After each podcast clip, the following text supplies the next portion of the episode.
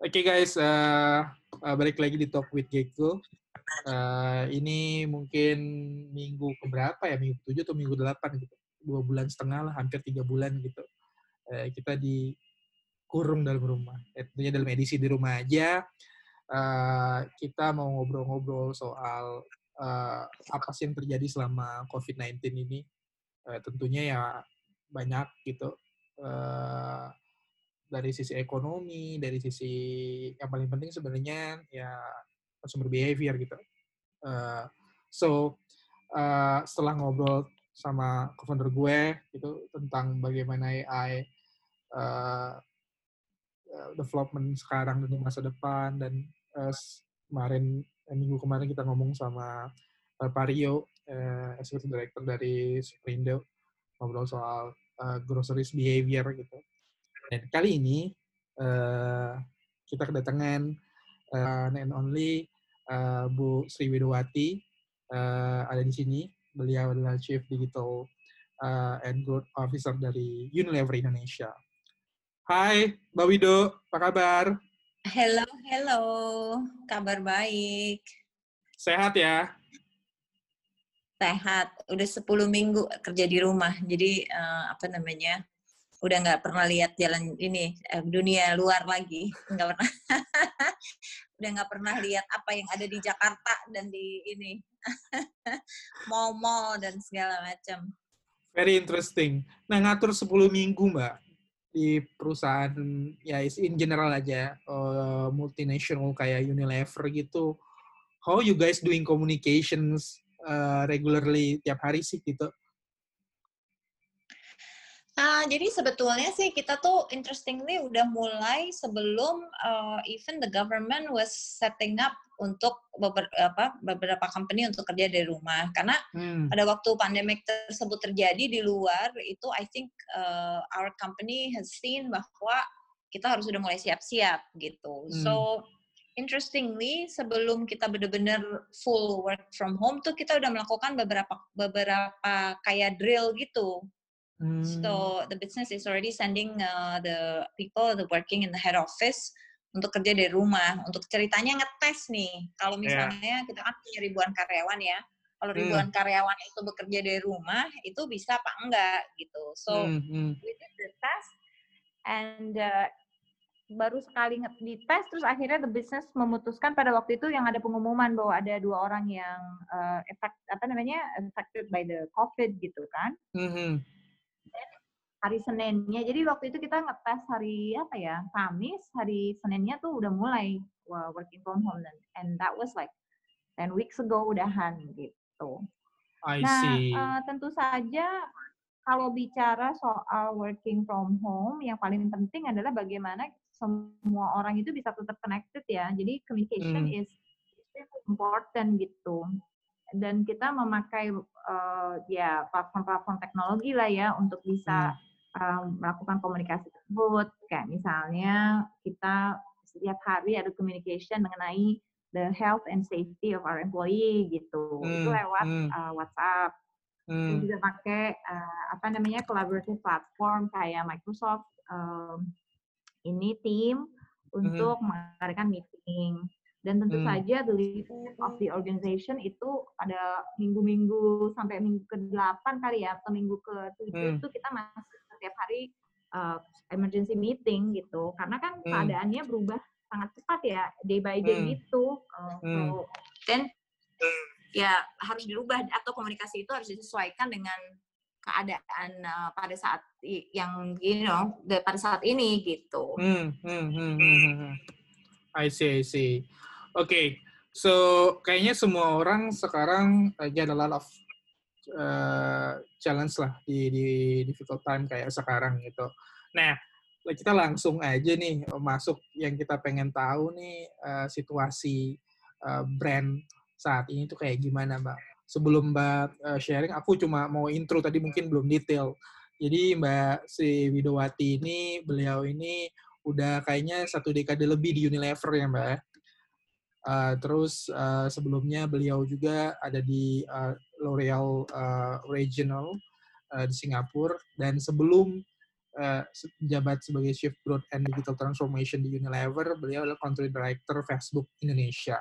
So, ini adalah orang yang paling tepat untuk uh, kita tanya soal brand communication dan terutama uh, dalam keadaan kayak sekarang.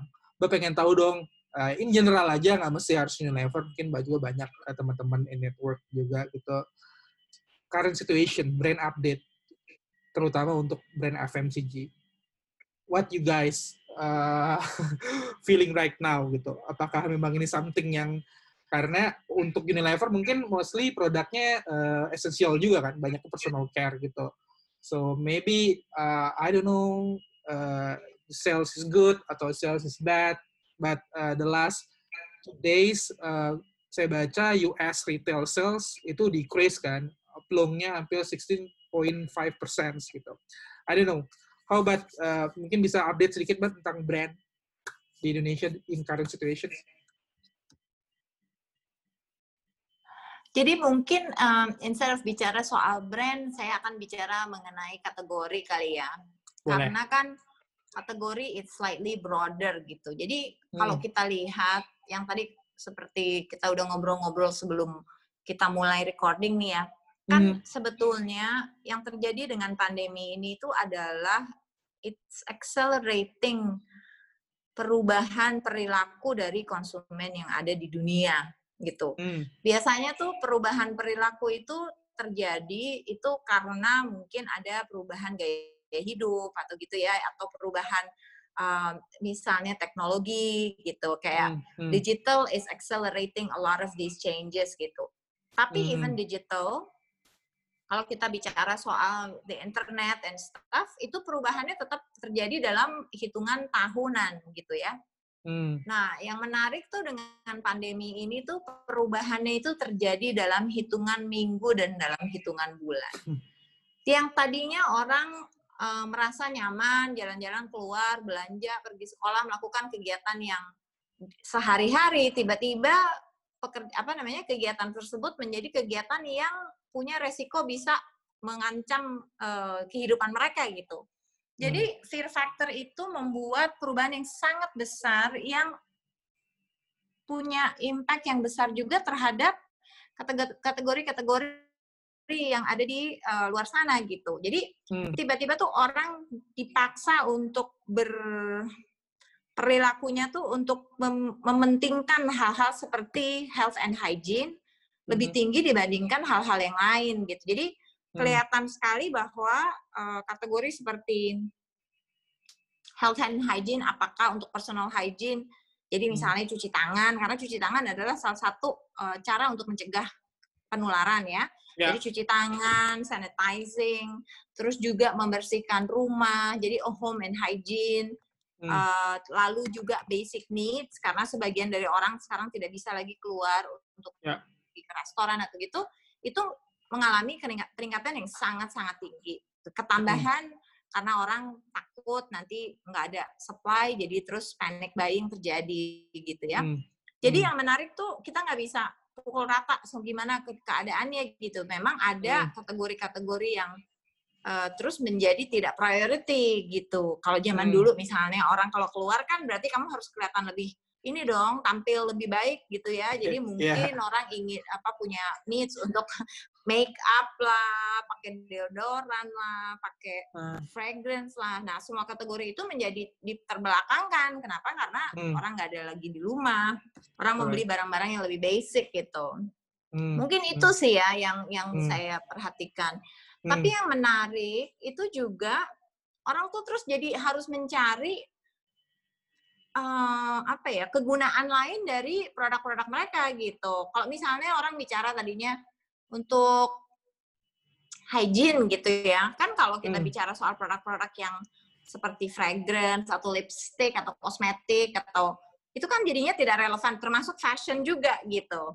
Ya. Yeah. Nah berarti bisnis yang mempunyai produk-produk kategori di range tersebut harus memikirkan cara lain yang lebih pandai untuk bisa menjual produk-produknya misalnya apa ya sekarang nih lagi mau summer nih hmm. uh, apa saya juga mau liburan ke mana mana kita minggu depan liburan kan mau nggak mau orang lebaran gitu ya terus jadi mikirin ngapain ya jadi sekarang saya mulai mikirin oh mungkin di rumah kita bikin jadi aku beli floaters gitu dari Tokopedia hmm. supaya hmm. di rumah kesannya agak lebih seperti ini gitu tropical ya kan hmm. jadi mungkin ada kesempatan juga buat fashion uh, ini mungkin hmm. fashion hmm. industry gitu untuk misalnya bilang eh walaupun tetap di rumah tapi beli baju inilah supaya agak-agak hmm. serasa tropical gitu atau hmm. bikin hmm. Uh, apa namanya drink menu atau apa atau food menu yang mungkin lebih membuat uh, merasa lebih uh, liburan atau gitu. Jadi hmm.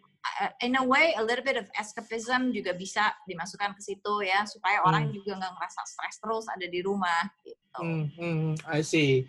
Nah itu kan yang sudah terjadi uh, dan kita lihat kebiasaannya berubah gitu dari suatu yang uh, dulu hmm. mungkin less priority jadi priority, yang dulu yang priority mungkin jadi less priority sekarang. Nah ada nggak dari semua kejadian itu uh, something yang unpredictable sebelumnya? Mungkin uh, mostly people in FMCG brand uh, wah ini bakal terjadi apa? Tiba-tiba oh, nggak juga ya ternyata. Ya. Ada unpredictable insight yang bisa dibagi nggak? Uh, ya sebetulnya sih mungkin kalau misalnya kita lihat apa yang terjadi itu tuh lumayan ini ya. Mungkin gini, ini tapi observasi ya. Saya nggak bisa hmm. bilang ini benar-benar menjadi tren gitu. Yeah. Yang saya melihat sebagai unpredictable itu kan gini. Pada saat di mana keadaan ekonomi itu sangat uh, berat, harusnya kan new company emerging itu akan susah ya. Hmm. Karena kan keadaannya lagi berat gitu. Yang hmm. menarik kalau saya perhatikan, again, this is bukan saya nggak punya data untuk mensupport yeah. ini karena this is purely hmm. observation ya. Hmm. Yang terjadi tuh pada saat ini yang saya amati banyak sekali small businesses di area foods yang menjamur dan meledak luar biasa di Instagram. Hmm. Jadi ada bisnis-bisnis yang literally baru buka tuh mungkin sekitar ya I don't know 10 2 bulan yang lalu gitu Hmm. sekarang tuh benar-benar mereka meng, apa ya meraup kesuksesan besar gitu ya mungkin hmm. ketambahan mau lebaran ya tapi hmm. the number of food business yang saya terekspos di Instagram tuh naiknya mungkin bisa 10 kali kali hmm. setiap hari ada yang jualan somai lah jualan kelapa lah jualan I mean it's exploding like crazy gitu Uh-huh. Which is a little bit unexpected di situasi di mana keadaan uh. ekonomi lagi jelek-jeleknya gitu. Ya.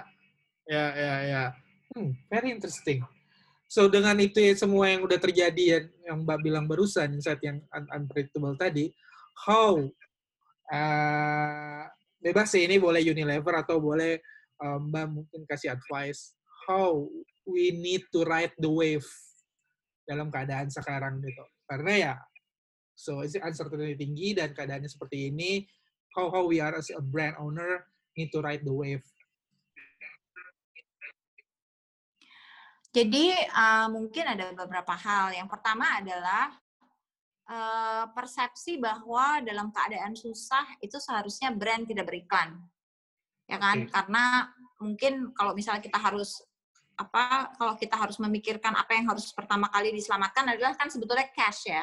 Betul. Nah, kalau kita bicara cash, terus biasanya uh, banyak orang-orang yang bilang ya udah kalau gitu nggak invest dulu deh di marketing hmm. gitu.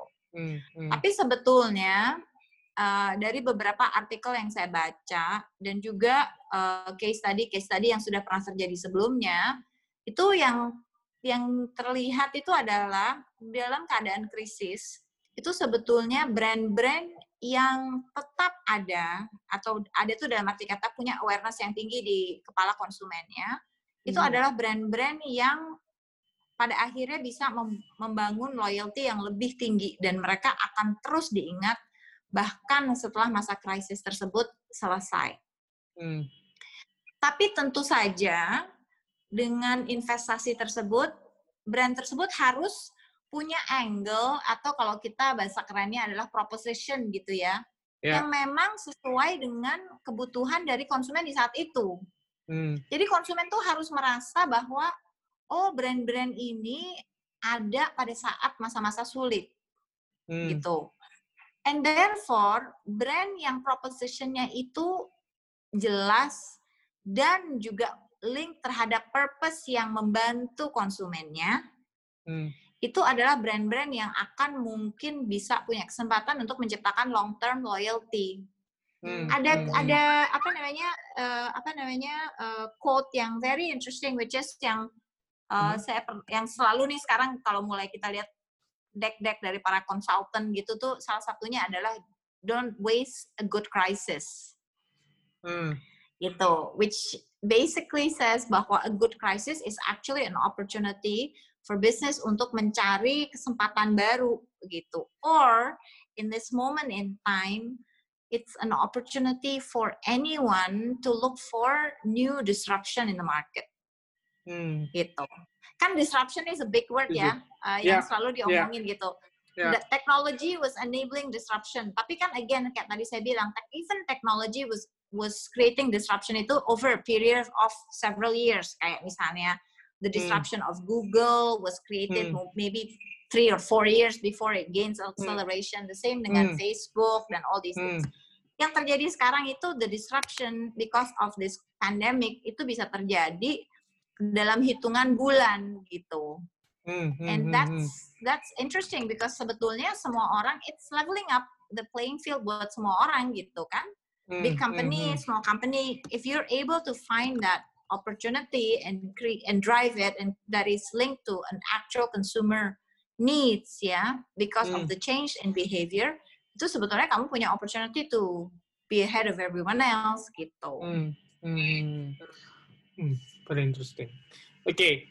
Nah, kalau dari sisi si yang saya ambil eh, sampel termudah gitu, salah satu Hmm. brandnya Unilever gitu. About Lifebuoy kan. Lifebuoy itu sebelum ada COVID-19 itu saya selalu inget di kepala saya yang banyak saya since I'm a kid kalau nggak salah cuci tangan gitu iklan cuci tangan dan sekarang kan kayak cuci tangan itu jadi buzzwordnya COVID-19 gitu dan I don't know Hmm. so, uh, dari banyak produknya Unilever sendiri gitu atau uh, di luar sana gitu ada nggak sih cara ya kalau sabun udah pasti dipakai orang untuk cuci tangan atau cuci-cuci yang lain gitu? Ada nggak inisiatif yang bisa very relevan uh, sama keadaan kayak sekarang yang make people make consumer feeling good lah at least gitu? Inisiatif gitu dari brand Um, sendiri. Iya, jadi sebetulnya tadi kan saya bilang ya, eh, salah satu success factor of brands dalam keadaan krisis itu adalah tetap punya awareness yang tinggi, Hmm. punya proposition yang jelas, dan Hmm. punya proposition yang link terhadap purpose yang berhubungan dengan keadaan dari konsumen yang sekarang. Nah, kamu interesting that you brought up uh, brought up Lifebuoy karena kalau if kita mau brand apa sih yang seperti itu pada saat ini tuh sebetulnya Lifebuoy is the apa namanya ya pinnacle of that brand gitu. ya Karena memang brand tersebut even sebelum adanya pandemi ini sudah punya purpose Setuju. yang sangat jelas yaitu meningkatkan health and hygiene of the Indonesian consumer. Ya. Se- kenapa sih? Karena kan cuci tangan itu kan sebetulnya kalau sekarang untuk mem- apa ya membantu mencegah COVID. Tapi sebetulnya Hmm. on a basic level di negara seperti Indonesia ini yang sangat develop, yang masih developing itu banyak sekali orang-orang yang eh, tidak mengerti standar hygiene yang baik sehingga mereka itu punya risiko untuk kena penyakit seperti diarrhea. Anak-anak kecil gitu ya banyak yang meninggal karena itu. Jadi sebetulnya Lifebuoy itu dari dulu misinya memang untuk mengedukasi mengenai uh, health and hygiene. Hmm. Jadi begitu si pandemi ini terjadi, itu Lifebuoy was in the forefront. Kita sebelum even di Indonesia itu itu menjadi suatu kekhawatiran tuh kita udah bekerja sama dengan Departemen Sehat eh Departemen Pendidikan dan Kebudayaan Mhm. uh, untuk menciptakan uh, ini education material buat anak-anak sekolah, anak-anak kecil gitu. Hmm. Nah, tentu saja setelah edukasi uh, yang dilakukan oleh brand ini juga dia melihat apalagi sih opportunity yang diperlukan. Kayak misalnya kita juga memberikan banyak sekali donasi uh, dari Lifebuoy yang berhubungan dengan hand sanitizer kita terhadap health worker gitu yang pada Hmm. di pada di apa namanya rumah sakit Ya. dan juga Palang Merah Indonesia gitu. Nah, beserta dengan itu kita juga berusaha memahami sebetulnya kebutuhan-kebutuhan mereka yang lain tuh apa aja sih gitu. Dan tentu saja dengan uh, adanya input dari para misalnya pemakai dan konsumen gitu ya, kita juga sekarang sedang memikirkan inovasi-inovasi yang akan jauh lebih relevan terhadap ke, uh, kebutuhan mereka gitu. Jadi um, kayak misalnya nih ya, yang baru saja saya nggak tahu kamu udah aware apa belum, tapi uh, University juga baru meluncurkan uh, rangkaian produk untuk yang didesain sesuai dengan uh, apa namanya uh, uh, fitrah dari uh, Muslim gitu. Jadi namanya range itu adalah sahaja. Jadi ini adalah produk-produk pembersih uh, rumah yang okay. didesain dengan uh, prinsipal religion gitu. Okay. Di mana uh, beberapa persen dari produk tersebut itu didonasikan untuk causes-causes yang ada hubungannya dengan religion.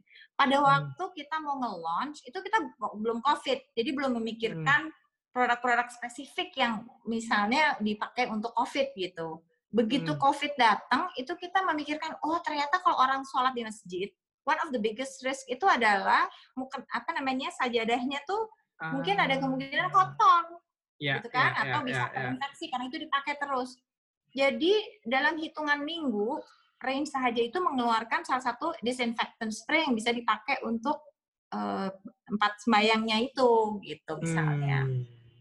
So hal-hal itu kita benar-benar berusaha untuk bisa dapat input dari pengguna ya dan juga hmm. melihat kesempatannya dan di mana dan kita punya brand-brand tertentu yang memang didesain untuk bisa men, apa ya mem, memenuhi purpose-nya yaitu kalau misalnya kita bicara health and hygiene bagaimana hmm. kita bisa terus meningkatkan uh, tingkat kesehatan dan ke perlindungan uh, yang kita bisa berikan kepada konsumen kita gitu.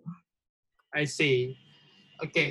Nah, semuanya itu kan produknya produk FMCG ya. Uh, so I just curious mbak, uh, di luar tadi yang tren balik banyak orang belanja di Instagram makanan-makanan baru atau brand-brand baru yang sifatnya uh, fast food dan lain-lain. Nah khusus buat FMCG sendiri gitu, uh, FMCG brand overall, uh, apa sih yang bakal terjadi trennya? Uh, wah ini ini your opinion kira-kira post COVID ini dari sisi uh, consumer behavior? Banyak sebenarnya ya, dan kalau kita lihat, ini kan kalau aku bilang kita sekarang nih bacaannya banyak banget. Setiap hmm. minggu ada someone dari semua research dari semua. Or, or apa namanya research agency gitu yeah. datang dengan beberapa apa namanya tren baru adalah apa hmm. adalah apa. Yang jelas adalah uh, saya rasa konsumen akan mengharapkan standar hygiene yang jauh lebih tinggi dari sebelumnya. Kalau zaman dulu, kalau kita pergi ke bank, nggak ada orang yang takut masuk ke dalam bank, jalan aja gitu kan. Tapi hmm. yang sekarang itu akan ada standar hygiene yang spesifik dan itu akan terjadi uh, tidak hanya misalnya di kayak bank gitu, tapi akan terjadi di industri-industri di mana proximity terhadap uh, konsumen itu tinggi dan density hmm. of consumer itu juga sangat tinggi. Jadi Kemarin kan salah satu yang heboh adalah Terminal 2, rame banget, banyak orang pada lagi PSBB gitu kan. Nah, those things will continue to uh, apa namanya be needed. Jadi saya sih melihat akan banyak orang yang akan memutuskan ya gue nggak akan terbang kalau misalnya uh, airportnya kayak gitu. Atau yeah. ya gue nggak akan pergi ke bank itu kalau bank itu kelihatan bahwa dia tidak menjaga misalnya physical hmm. distancing atau tidak menyediakan produk-produk hygiene. Jadi requirementnya akan sangat tinggi. Mungkin mm -hmm. uh, apa namanya? Mungkin tidak akan langsung, tapi people will start realizing bahwa oh gue nggak akan. Pokoknya my requirement udah gini kayak misalnya nih kita bicara soal eh, orang-orang uh, yang mode transportasi lah gitu ya. Hmm. Kalau satu company itu misalnya meluncurkan produk apa meluncurkan fleet of transportation yang mereka yang dia bilang bahwa ini semua orang akan dilengkapi dengan hand sanitizer, mobilnya hmm. akan dibersihin setiap dua jam atau gitu, ya hmm. orang akan memilih mode transportasi itu gitu kan. Jadi hmm. itu one hmm. area of hygiene and ini. Saya rasa yang kedua adalah people will be trying to make home itu sebagai tempat di mana mereka spend more time. Hmm. gitu. Jadi uh, tadi aku bicara mengenai mungkin ada escapism di mana orang akan lebih apa namanya uh, ya misalnya berusaha mereplikasi liburan di rumahnya gitu-gitu. Hmm, Tapi hmm, juga hmm. saya melihat bahwa uh, apa orang masak di rumah, bikin something sama-sama. Jadi kegiatan yang sifatnya homebound itu juga akan meningkat gitu. Jadi kayak hmm. tadi kita bicara misalnya uh, shopping experience, virtual shopping experience. Saya tuh kemarin dapat link dari Airbnb mengenai mm-hmm. experiences yang di mana kamu bisa ikut jalan-jalan ke Italia, orang bikin pizza gitu lewat mm. Zoom. Jadi huh? really? You can, you can sign in, ya, yeah, you can sign in. Orangnya mm. jalan gitu terus dia nunjukin ini dapur saya, ini masaknya gini gini gini. Jadi it's like you are in Italy in someone's kitchen making pizza. Mm. Itu macam-macam. Ada yang ada there are like 20 or something. Cek deh Airbnb experience yeah. uh, you have to pay for it gitu. Hmm. Tapi it's quite interesting. Ada pelajaran-pelajaran. Ada juga misalnya jalan-jalan di Chernobyl. Kalau kamu mau lihat hmm. daerah-daerah hmm. yang waktu itu kena ini nuclear impact gitu. Which hmm. is I think quite interesting. Jadi those things di mana jadi satu adalah hygiene eh, hygiene expectation. Yang kedua adalah rumah itu akan menjadi tempat di mana banyak activity itu akan di spend di situ. Jadi if hmm. you are enabling our consumer untuk bisa melakukan most things di rumah, then I think that would be a big thing. Tadi kita ngobrol soal shopping gitu. Kalau saya hmm, bisa hmm. melihat rak Zara, gitu kan, yang hmm. baru itu trennya apa? Tapi of course, kalau aku ngelihat kalau e-commerce tuh sekarang dengan satu itu ya, apa tuh namanya, the way it's being presented itu lain ya experience -nya. Tapi if we can replicate something that's very similar as if you're in the store, ngeliatin hmm. shelf gitu ya, ngeliatin apa tuh namanya rak rak rak rak. Oh, yeah. saya sih pasti bakalan belanja. Hmm. I see, I see. So jadi kalau bisa di assume like double H hygiene and home activity gitu. Itu yang bakal jadi Ya dua-dua ya. Jadi kalau orang yeah. keluar, mereka ekspektasinya akan punya standar hygiene yang jauh lebih tinggi. Tinggi. Okay. Dan orang-orang yang di rumah akan hmm. mengharapkan lebih banyak experience yang bisa dilakukan di rumah gitu kalau aku hmm, melihatnya. Oke, hmm. oke. Okay, okay. Nah, dari semua itu berarti uh, seberapa impact-nya terhadap marketing uh, dan advertising spending dari brand sendiri. As we know, ya mungkin Unilever atau brand dan FFCG rata-rata uh, you guys is uh, high spender untuk uh, untuk kebutuhan marketing dan advertising gitu. Seberapa sih pengaruhnya? Terus kalau belum berpengaruh uh, itu turun atau naik dan itu channelnya mungkin udah ke arah mana sih? Uh, yang ngaruh gara-gara tren tadi gitu? Um, Oke, okay. jadi tadi saya bilang bahwa investasi itu akan tetap penting ya. Jadi uh, kenapa? Karena the brands that are investing during difficult times adalah the brands that the consumer will remember in the hmm. good times gitu. Hmm. Nah, sekarang pertanyaannya adalah uh, di mana berinvestasinya gitu. Hmm. Nah, tentu saja karena sekarang itu jumlah orang yang akan di, tinggal di rumah itu atau memilih untuk berada di dalam rumah itu akan jauh lebih tinggi dibandingkan sebelumnya yang tadi hmm. ya spending more time dan activity in, at home. Hmm. Jadinya memang uh, kita harus bisa mengenable mereka supaya mereka bisa mendapatkan yaitu tadi aktivitas tersebut atau kesempatan untuk bisa beraktivitas itu dari rumah. Tentu hmm. saja sekarang tuh ya yang menarik adalah traditional media tuh uh, apa namanya kayak TV gitu tuh tiba-tiba jadi populer dong karena orang Betul. kan di rumah. Betul. Dan of course it's easier dan terutama kalau kita bicara soal Indonesia ini untuk reach mereka hmm. tentu saja dengan lebih mudah karena semua orang sekarang hmm. nonton TV rame-rame walaupun of course hmm. everybody is also doing multi screening gitu. Hmm. Jadi kita sih tetap merasa bahwa role dari traditional dan digital media itu akan tetap penting mungkin hmm. akan ada pivot lebih tinggi ke digital media. Kenapa? Karena di digital media itu sebetulnya kalau kita bicara soal driving them untuk converting, apakah itu hmm. services, apakah itu beli produk, itu sebetulnya hmm. kesempatannya lebih tinggi. Sehingga uh, apa buat saya sih yang akan terjadi adalah uh, shift terhadap digital spend itu akan naik, tapi tentu saja akan lebih banyak adanya di uh, performance marketing gitu. hmm. gitu di mana orang itu karena kan kalau zaman dulu agak susah ya melakukan performance marketing kalau kita bicara soal produk-produk FMCG atau services tertentu gitu. Ya. Karena sekarang semuanya sudah pindah online, Mhm. jadinya akan jadi lebih mudah gitu untuk itu untuk bisa mengukur uh, efektivitas dari investasi. Oleh Mhm. karena itu, saya melihatnya sih movementnya akan banyak ke digital dan terutama di digital marketing. Mhm. I see, I see. Oke, nah eh, difficult time eh, fasenya itu kan banyak kan. Ada yang krisis ekonomi, ada yang eh, apa eh, kayak gini, kayak eh, disease, eh, problem gitu. Itu kan apa keadaan-keadaan yang memang uh, unpredictable, uh, high uncertainty. I just curious gitu.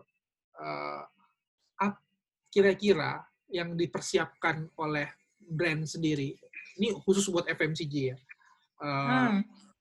teknologi atau strategi apa sih yang memang dipersiapkan yang untuk kira-kira ini kalau ini terjadi lagi we are ready gitu. So ap- teknologi apa yang bisa solve problem uh, yang dialami FMCG sekarang? Mungkin otomatis kayak supply chain bakal ada pengaruh gitu. Dari sisi customer demand juga mungkin agak lebih uh, unpredictable gitu. Dari channelnya mungkin apakah modern trade lebih naik daripada apa general trade? I don't know.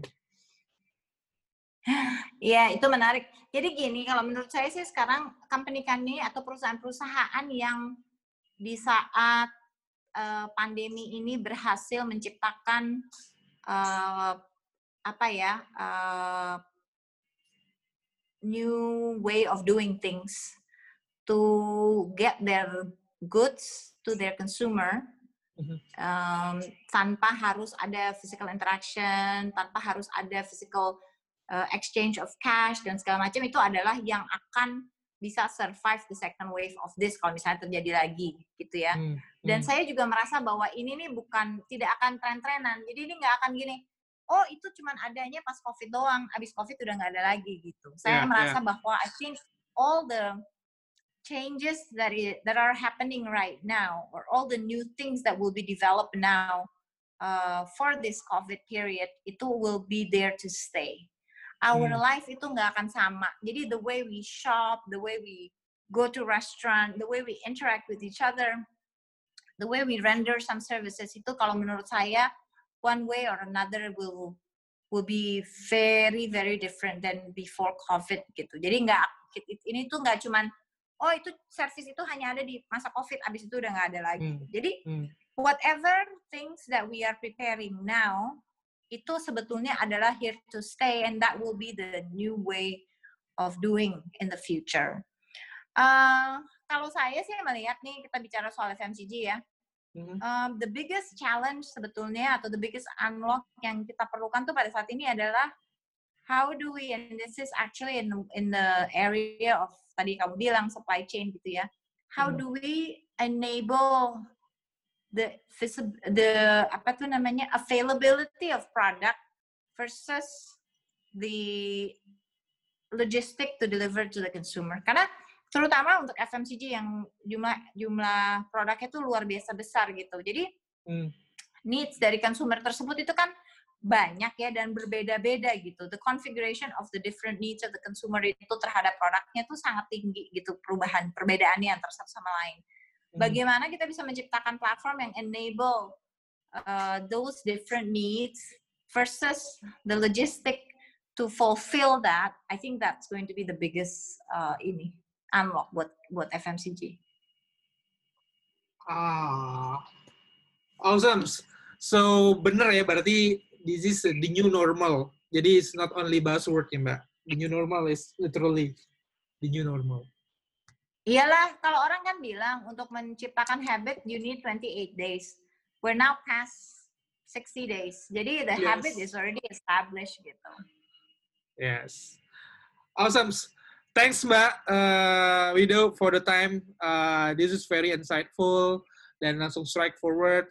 So I believe uh, this will be uh, impact to people who listen, terutama yang punya brand uh, to adapt uh, di situasi kayak sekarang karena ya karena what you change now bukan hanya untuk sekarang, but maybe this is the new trend, this is the new normal.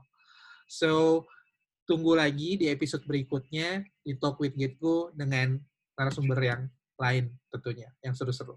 Thank you.